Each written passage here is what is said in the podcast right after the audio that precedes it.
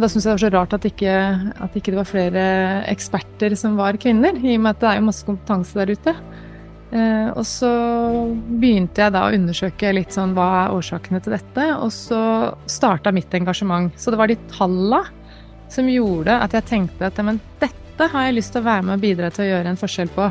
Fordi at La oss si at jeg får en jente, da. Jeg og Anja hadde fått en jente. Så ville jeg at hun skulle vokse opp og vite at hennes stemme var minst like viktig som Mio og Leo sin. Eh, og så blei jeg jo da litt overraska når jeg nå leste ferske tall fra 2022, hvor det viste seg at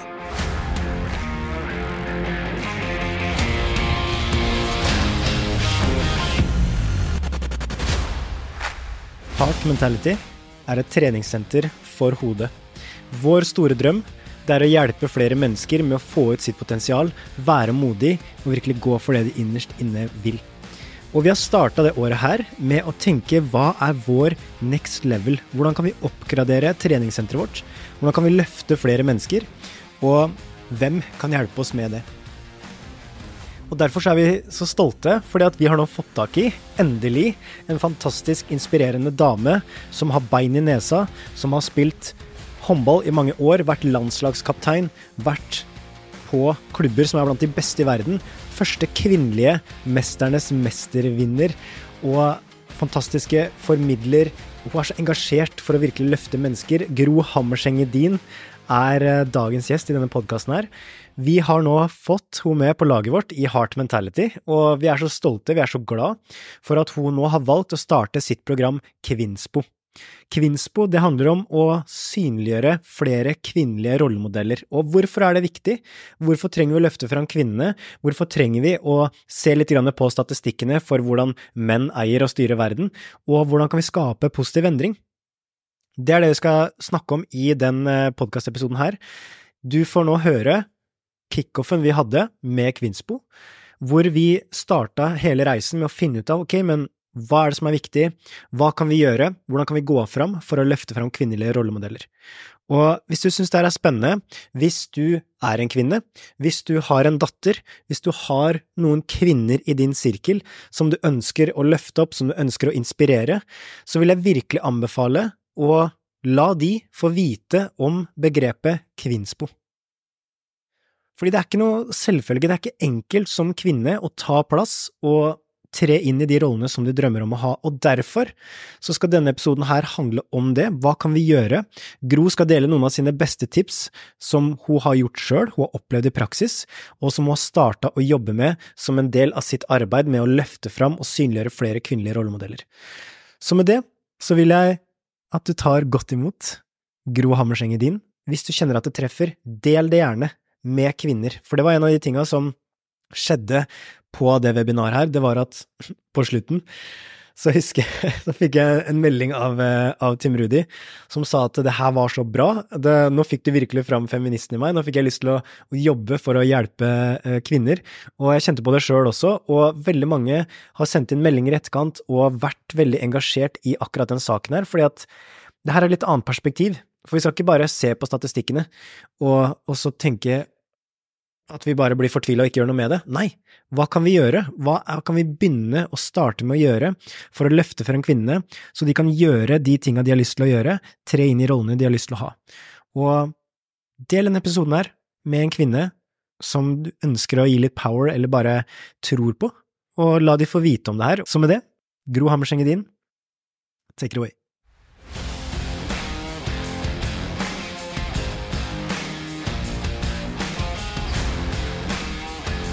Vi kan jo bare like gjerne ta imot Superstjerna eh, med en gang.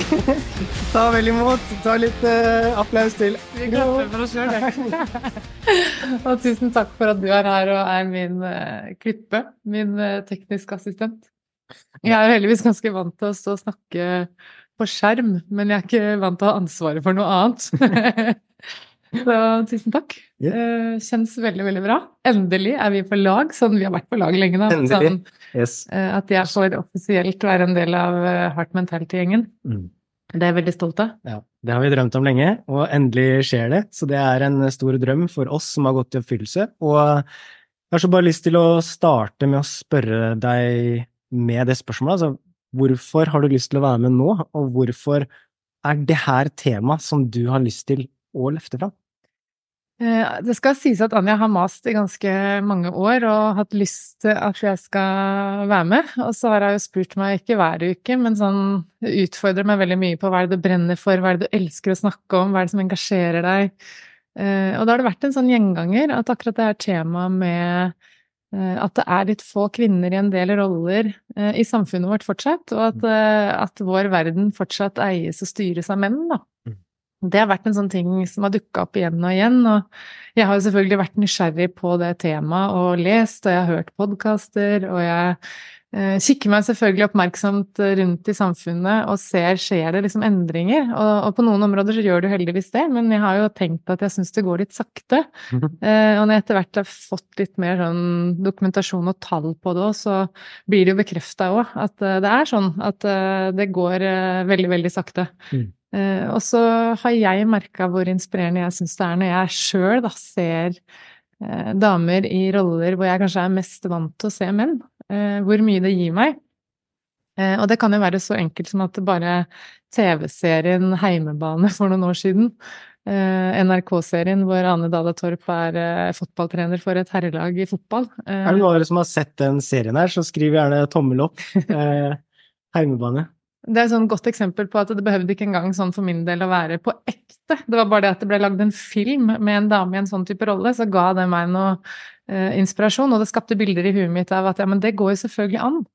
Eh, så kraften i det å både se, se kvinner i roller på filmer, eh, i serier, eh, og ikke minst selvfølgelig aller mest viktig, da, på ekte, eh, det har så stor kraft.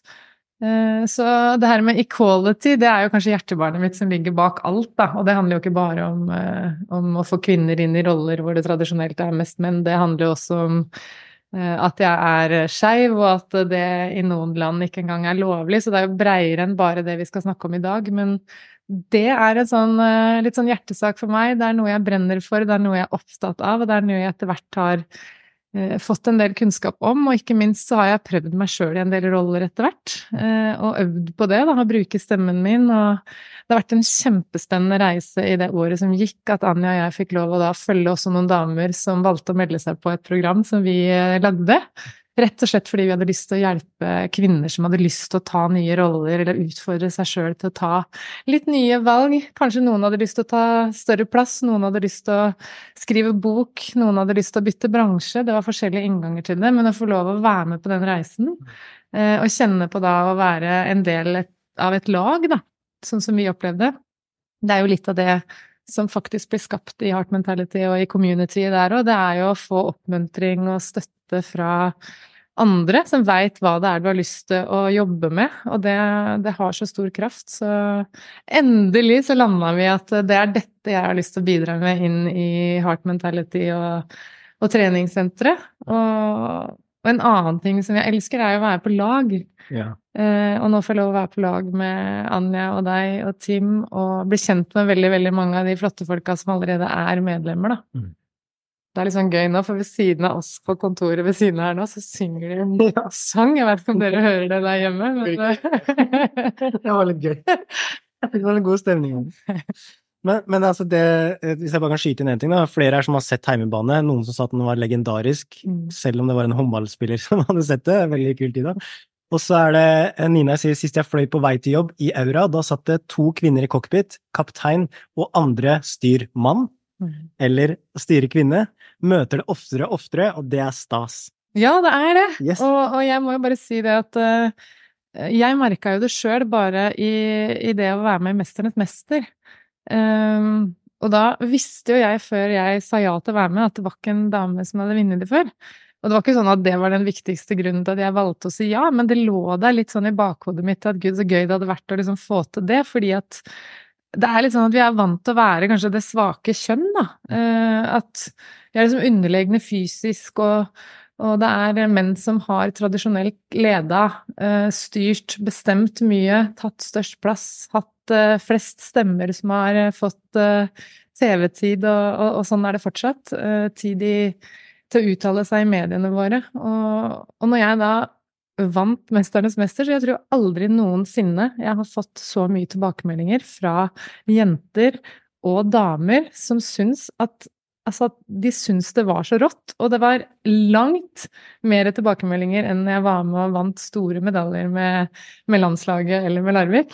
Uh, ja, og det derre blikket til de der små jentene som sto og så på meg, liksom bare syntes at det, jeg var så sykt god til å stå og holde trillebår, liksom, så lenge som mulig. At jeg hadde klart å holde den liksom lenger enn disse sterke karene. Uh, og da innså jeg jo også at vi trenger eh, rollemodeller, og jeg har kjent på det gjennom hele oppveksten min nå. Jeg har hatt rollemodeller i håndballen sjøl som jeg har sett opp til. Eh, jeg har det nå rundt meg i alle arenaer, egentlig, hvor jeg blir inspirert. Og det er ikke det at jeg ikke blir inspirert av deg og av Tim og av Mats Grimseth, som er en god venn av oss, Halvor Bakke, som er en god venn av meg. Den inspirasjonen får jeg jo også. Eh, men jeg kjenner det at det gjør noe ekstra med meg, akkurat som ble nevnt i chatten her, at eh, når man ser noen som sitter og styrer flyet, da, mm. Eh, så er ikke det så vanlig ennå. Og det gjør noe med oss. Og det er jo litt av det som vi skal snakke om i dag, og det er jo det at det viser jo Forskninga viser jo også dette. At for eksempel når det gjelder gründerskap, da. Det er veldig få gründere i, i Norge som er damer, bare to av ti. Eh, og noe av det som eh, plukkes fram som en veldig, veldig viktig faktor for å få eh, kvinner til å tørre å gjøre det, eller ønske å gjøre det, det handler veldig mye om at rollemodellene er viktige, de synlige rollemodellene. Okay. Og da, da tenker jeg jo at det har jeg lyst til å bidra med, fordi at det fins jo så mange eh, som kanskje ikke enda er så synlige, og som kanskje ikke tar den plassen heller fordi at det ikke er så viktig for dem. Eh, de er kanskje mer opptatt av andre ting, kanskje noe som Anja, som egentlig er mest opptatt av å skape, mm. eh, og elsker det. Eh, så det her bidraget inn i, i Kvinnsbo og Heart Mentality med å da løfte opp og fram de fantastisk flotte damene som bare jeg ser i min lille sirkel, og det er jo langt flere enn tolv stykker, da, men nå skal jeg begynne med tolv stykker i det her det er, det er, litt gøy, da, for jeg har jo mesteparten kvinnelige inspirasjonskilder eh, rundt meg. da. Eh, Siri Abrahamsen er med her i dag. Du, Anja altså, Jeg har veldig mange kvinner da, som jeg blir inspirert av. Så, så jeg er veldig heldig, da. Så, så det er litt spennende å se liksom, hvordan, hvordan ting er i samfunnet, da, og hvordan ja, det, ting kan virke på en måte, men samtidig så vet vi på statistikken òg, vi har litt eh, statistikk som vi skal vise etterpå, mm. som er ganske spennende i forhold til at ja, det skjer en utvikling, men vi har også en vei å gå, da. Og det var noen som nevnte her i chatten at det var noen som var på eh, det var noen som var på bylagsturnering i helga, håndball. Mm. Det var én av seks trenere kvinner. Ja, og det... Tenker flere kvinner i Hva tenker du rundt det? Nei, jeg er jo helt enig i det, og det er jo også det um, bildet jeg sitter med, og det er jo sannheten, at det er veldig, veldig få kvinner som er trenere. Ikke så få hvis vi går ned på yngres uh, nivå, uh, men med en gang vi begynner å se på høyere nivå, så blir det færre og færre. Og så er det også noe med at vi ser veldig få kvinner som trener gutter eller menn, da. Og det fins vel, men det er veldig, veldig få.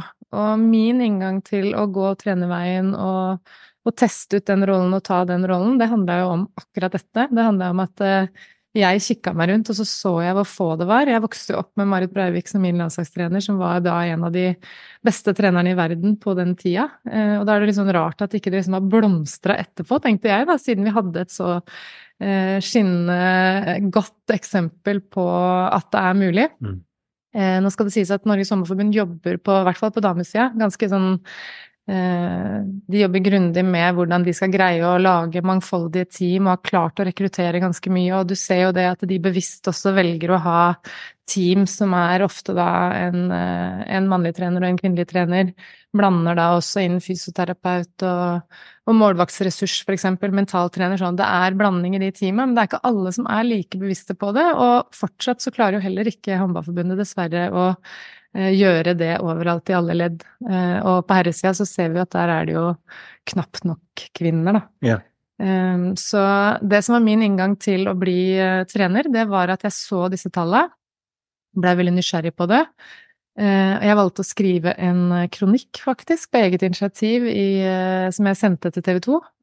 Som handla om kvinner i idretten, for jeg holdt et foredrag på et arrangement som hadde det som tittel, og da, da, holdt jeg foredraget. Da lærte jeg jo litt når jeg gjorde research til foredraget om de tallene, og jeg begynte jo selvfølgelig da å telle på Champions League-laga som var på det tidspunktet, og fant vel da én kvinnelig hovedtrener på damesida og ingen på herresida. Det syns jeg er litt spennende, for her kommer journalisten i deg fram. Da. Du har jo faktisk studert journalistikk, ja. og det er så kult at du bare går rett inn i vet du hva, det her må jeg finne ut, det her må jeg se med egne øyne, er det her sant, liksom? Og det det var det. Ja, og det er jo sant. Og så tenkte jeg sånn, ok, men jeg er jo en av de som har da en erfaringsbakgrunn øh, og en interesse, en naturlig interesse til sporten. Uh, og så ble det litt sånn, hvorfor har ikke jeg valgt å gå den veien? Og jeg hadde jo sånn sett ikke blitt spurt så veldig ofte om jeg ønska det heller. Det var vel kanskje bare Marit Breivik, tror jeg, som spurte meg på et eller annet tidspunkt, eller sådde et sånt lite frø, mm. og sa at hun trodde jeg kunne komme til å bli en god trener, da. Men det jeg gjorde, var jo at jeg på eget initiativ skrev kronikken. Jeg gjorde en del research, fant ut av tallene. Eh, og så begynte jeg faktisk på trenerutdanning, selv om jeg ikke var helt sikker på at det var det jeg ville. Men jeg tenkte at ok, men det er en liten interesse der, kanskje jeg skal teste det ut.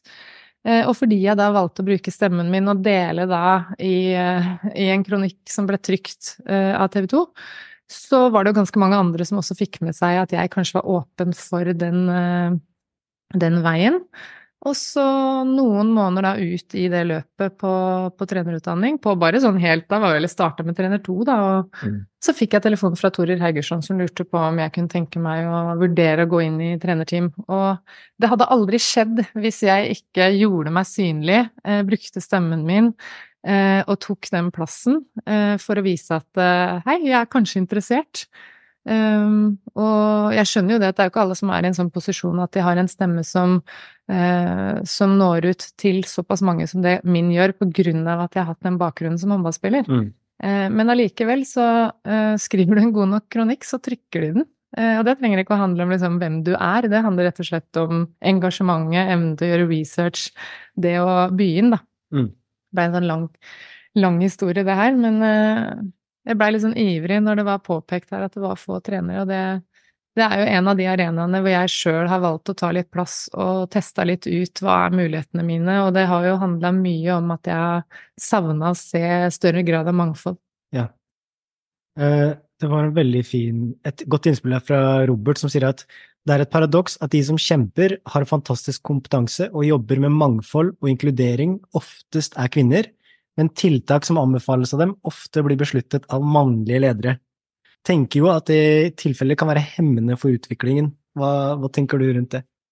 Jeg opplever vel at det faktisk finnes noen menn i lederroller som er opptatt av det her, og som allerede gjør en jobb øh, på området, men jeg tror absolutt at vi trenger enda flere. Og så tror jeg at det er veldig blindsona til mange menn, fordi at de har ikke kjent på kroppen hvordan det er å ikke se noen å speile seg i. Eh, på samme måte som det vi kvinner eh, opplever i en del settinger. Ehm, bare sånn i vår verden, da, så er jo noe av det jeg har sagt til Anja, er jo at det irriterer meg at alle sånne motivasjonstaler i sport er mannestemmer.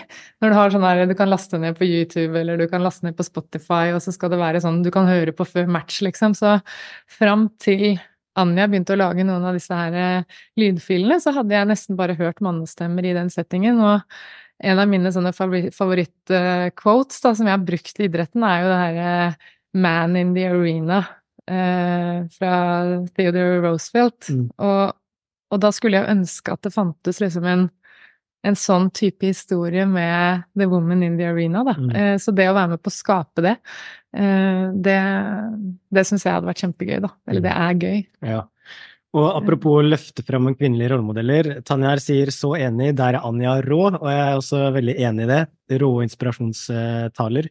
Og um, det er jo også en av de tinga her, da, og det du har gjort som jeg syns er så spennende, det er jo at du, du, ser at det er en utvikling her. Du ser at ja, kanskje det er en interesse, men det virker som du blir litt trigga av å endre statistikkene litt òg. At det, liksom en, det, ligger bak der. da. Ja. Men så er det jo mange som kan se de statistikkene og tenke det at yes, jeg har lyst til å gjøre noe med det. Mm. Men det må jo også være ganske modig, da. For hvis du skal være ja, Si at det er én av seks kvinner i en bransje, da, og så skal du være den som skal endre det og komme inn, så vil du jo være i et mannsdominert eh, miljø, da. Altså hvordan har du jobba for å ta mer plass og tørre å oppsøke det ubehaget, da? Fordi at det, det krever litt mot, og du, du trenger jo å fighte litt for det.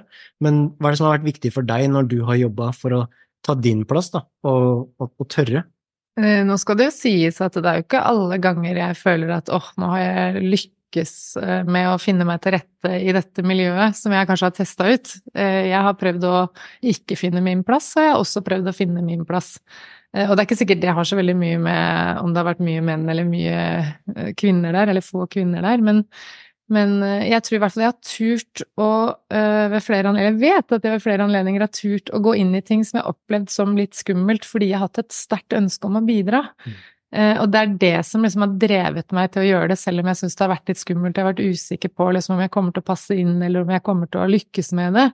Uh, og det er jo noe av det vi har jobba veldig mye med i idretten, og som jeg har brukt når jeg har vært trener, og det er jo det her med å gå inn i rommet, gå inn i miljøet med hva kan jeg bidra med, framfor å lure på er jeg god nok. Mm. Um, altså wow. den inngangen har jeg jo selvfølgelig brukt mye, og så er det jo det at um, jeg har også alltid tenkt nøye over sånn, hva er det jeg skal måle meg sjøl på eh, når jeg skal drive og evaluere, da, om jeg er fornøyd eller ikke, og om jeg får til det jeg har lyst til å få til, og sånne ting. Og eh, det har jeg fått mye trening på gjennom idretten, da.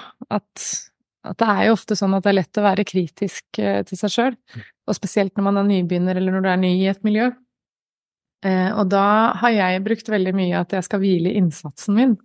Uh, og at det jeg skal måle det på, det er liksom ok, uh, hvis jeg legger inn det beste jeg kan med de forutsetningene jeg har i dag, f.eks. nå på den sendinga her, da, og leverer på det og virkelig gjør mitt ytterste og har lagt inn en innsats i forkant, og jeg gjør det mens jeg er på, uh, så kan jeg leve med at kanskje ikke alt går helt etter planen, eller at kanskje noen andre ikke syns at jeg var så flink. Mm. For jeg har liksom bestemt meg for hva er det jeg skal drive og evaluere på, og så evaluerer jeg ofte på mot, da. Mm. At det ligger liksom høyt for meg, det å være modig og tørre ting som kanskje liksom er litt skummelt for meg. Eh, det er også viktig for meg, så jeg har brukt det og er sånn ok, er jeg modig, har jeg innsats? Ok, det er liksom kanskje de viktigste checkpunktene. Uh, og så har jeg alltid sørga for at jeg har noen sånne gode folk i sirkelen min som jeg vet at uh, jeg kan lene meg litt på når jeg blir usikker og redd, da, for det blir jeg jo. Uh, og det kan sitte langt inne å liksom lene seg på noen for min del, men det er jo kjempeviktig og vesentlig når man skal tørre å gjøre noe nytt eller tørre å bruke stemmen sin, og så er det noe med å stå i ubehaget. Uh, jeg hadde jo en sånn fersk, ganske fersk opplevelse av at jeg blei spurt Jeg ble et spørsmål av Nettavisen i forrige uke i forhold til mediedekningen av herremesterskapet. Og så satt jeg og var litt sånn irritert over at jeg syntes at uh, at det er så mange som er så negative og så kritiske, og at det er litt sånn tabloid dekning, da, og det blir så store, dramatiske liksom, overskrifter og ord om at uh, hvis håndballgutta ikke har prestert, så er det flaut, eller det er pinlig, det er katastrofe, det er krise. Ja, de får gjennomgå. Ja, og så gikk jeg litt sånn hardt ut og var litt sånn kontant og tydelig og bare litt påståelig, da. Og så serverte jeg bare det, og så var jo det veldig greit, jeg følte meg veldig komfortabel i det jeg liksom svarte. Men når det først sto på trykk, og jeg så at de da hadde på en måte utfordra en kollega da, som jobber med det samme som meg, som på en måte kanskje da var en av de som har eh, litt sånn tendens til å være litt tydeligere og litt skarpere mm. enn meg, da så kjente jeg jo på at jeg fikk så ubehag, og jeg blei liksom så ukomfortabel, og det var så svett å være meg, for da tenkte jeg sånn herregud, hva syns de nå om meg? Mm. Eh, men det er jo da å stå litt i det og trene på at den følelsen, den slipper den, så lenge jeg vet at jeg har uttalt meg på en måte som jeg kan stå for, og at jeg bruker et ordentlig språk, mm. så er det liksom greit å være uenig. Men det er en treningssak i veldig, veldig stor grad, da. Ja, og da virker det som at du bruker det perspektivet at uh, her har jeg lyst til å bidra, da. For det virker jo mm. som at du har lyst til å bidra til mer Kanskje litt mer positivitet eller litt mer oppløfting av de gutta, da. Mm. Istedenfor at det bare høvles over en lav sko. Så der har du både det at du vil bidra, og du har også vist mot, da. Du har faktisk turt å si noe. Ja. Du, du, kan jo bare Nei, det og jeg, jeg, har jo sagt det før i noen anledninger eh, når jeg har snakka om temaet, men inngangen min til å bli interessert i dette er med at eh, jeg har lyst til å få flere kvinner til å tørre å ta plass i f.eks. mannsdominerte eh, miljøer, da, eller i roller hvor det er mest menn per dags dato. Mm. Det gikk jo egentlig Det starta med at jeg fant ut at fire av fem eksperter i offentlig debatt i Norge var menn. Fire av fem, altså. Og det her er jo Det var i 2015, tror jeg. Og da ble jeg litt overraska over det. syntes det var litt rart, for jeg visste jo at i Norge så er vi jo minst like godt utdanna. Eh, og kvinner er til og med på noen områder enda mer utdannelse, eller bedre utdannelse. Og da syns jeg det var så rart at ikke, at ikke det var flere eksperter som var kvinner, i og med at det er jo masse kompetanse der ute. Eh, og så begynte jeg da å undersøke litt sånn hva er årsakene til dette, og så starta mitt engasjement. Så det var de talla som gjorde at jeg tenkte at men dette har jeg lyst til å være med og bidra til å gjøre en forskjell på, fordi at La oss si at jeg får en jente, da. Jeg og Anja hadde fått en jente. Så ville jeg at hun skulle vokse opp og vite at hennes stemme var minst like viktig som Mio og Leo sin. Mm. Uh, og så blei jeg jo da litt overraska når jeg nå leste ferske tall fra 2022, hvor det viste seg at uh, det er ikke skjedd så veldig mye. Mm. Så i 2022 så var blant de ti mest omtalte menneskene i Norge, så var det én dame, og det var Erna Solberg. Eh, og hvis du utvida det til liksom de 40 mest omtalte, ja. så tror jeg det var tolv eh, kvinner, da. Eh, og det var de samme tallene som gjaldt da både 2019 og 2020 og 2021. Eh, og da tenkte jeg sånn, da har det nesten ikke skjedd noen ting på det området. Eh, og da kjenner jeg jo på den der drivkraften til å fortsette å gjøre noe med det. Og da kan du kanskje bare vise frem eh, litt statistikk her òg, som, som, er ny kunnskap for meg. Du har den sliden med ja, med metallene fra DNB, og hun investerer eh, prosjektet deres. Eh, for det Dette her, det kan dere jo lese sjøl, da, men at norske menn har 264 milliarder mer i nettoformue enn kvinner, og at menn eier nesten 80% av de private aksjeverdiene på Oslo Børs. Og bare det her at 83% av minstepensjonistene er kvinner, det ante jeg ingenting om. Eh, 77% av de som tjente over en million kroner i fjor, var menn. Det er kun 18% av daglig ledere i næringslivet som er kvinner.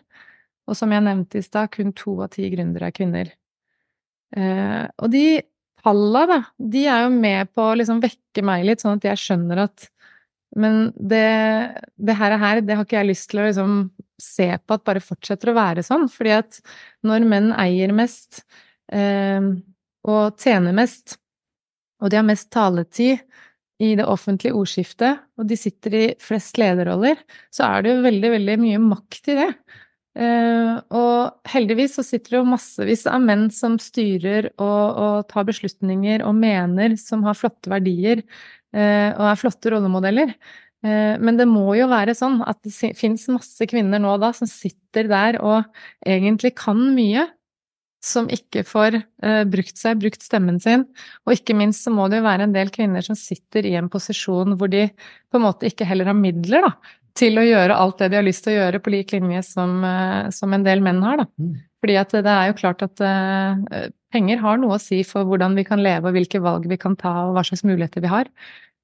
Så, så det er liksom noe med det å få med seg litt av disse tallene, og dele de òg. Eh, for det jeg tror det er i blindsona på mange. Jeg tror vi innbiller oss at vi er litt mer likestilte enn det vi faktisk er. Eh, det er i hvert fall min, eh, min erfaring. Det har gjort noe med meg, sånn at det at folk teller, og fortsetter å telle, det tror jeg har en verdi, fordi da vet vi med sikkerhet at dette er ståa, det er ikke noe vi tror eller føler på, det er faktisk sånn det er. Så skal ikke bruke så mye mer tid på statistikken, men jeg syns det var litt ålreit å liksom ha det med, for det, det, ligger der i bunnen som en drivkraft for min del, i hvert fall, til å vite at det, det er ikke bare en følelse. Eh, det er faktisk reelt. Yes. Hjertelig takk for at du lytta til den episoden her. Og hvis du har lyst til å høre hele webinaret, få hele opptaket, og høre flere råd, flere tips og litt flere ting som Gro har gjort for å virkelig ta sats, ta plass, bygge opp eh, andre kvinner, så har jeg lagt ved en link her. heartmentality.no slash kvinspo. Der kan du legge inn mailen din og navnet ditt, og så får du tilsendt hele opptaket. Hvis du har fått verdi av det her, fått glede av det, så abonner også gjerne på podkasten. Vi kommer til å dele mer av det som skjer i treningssenteret vårt. Fordi at vi har jo senteret for fysisk trening, men hva med det mentale? Er ikke det noe av det aller viktigste? Er ikke det en av de aller viktigste musklene vi har? den trenger også å trenes, og det er det vi gjør i Heart Mentality. Og vi drømmer om at flere mennesker skal se sitt potensial, finne sitt gull og virkelig gå for det de drømmer om. Det er så viktig for oss, og vi ønsker virkelig å skape en positiv endring. Hvis du har lyst til å være med, så kan du også bli med i treningssenteret vårt. Du kan få sju dager helt gratis. Og jeg håper at du har lyst til å være med inn og teste det ut, fordi jeg tror det kan gjøre en forskjell. For når du har verktøy, når du har en trening som du kan gjøre over tid, trene hjernen din og virkelig se at du kan gjøre ting som du tidligere ikke trodde var mulig, så skjønner du at du også kan vokse. Du kan få ting til å skje, og det er det du får lære i Heart Mentality. Så akkurat som du trener kroppen, kan du trene hodet hos oss, og du er hjertelig velkommen inn. Og hvis du har lyst til å få en liten gave fra oss, så kan du benytte deg av rabattkoden GRO ved utsjekk. Skriv GRO med store bokstaver, og så får du 50% på din første måned. Da blir du en del av et fellesskap, og jeg håper at du har lyst til å være med videre. Så tusen takk. La oss fortsette å løfte opp de fantastiske kvinnene som fins, og jeg gleder meg til veien videre. Og Kvinnspo, det er noe vi skal jobbe med i Heart Mentality hver eneste måned ut det året her, så skal vi ha en, en, kvinne som inspirerer, og som virkelig har gjort en stor forskjell. Blir intervjua live i medlemskapet. Så hvis du syns det her var spennende, så bare vent til du blir med inn i treningssenteret og får høre til flere inspirerende kvinner som deler sine beste tips, sine historier og sin reise for hvordan de har tatt plass og fått ting til å skje i sitt liv. Så linken ligger under her. Ta en titt, klikk deg inn, så ses vi der. Ha en fin dag videre, og hva hvis det er mulig, da?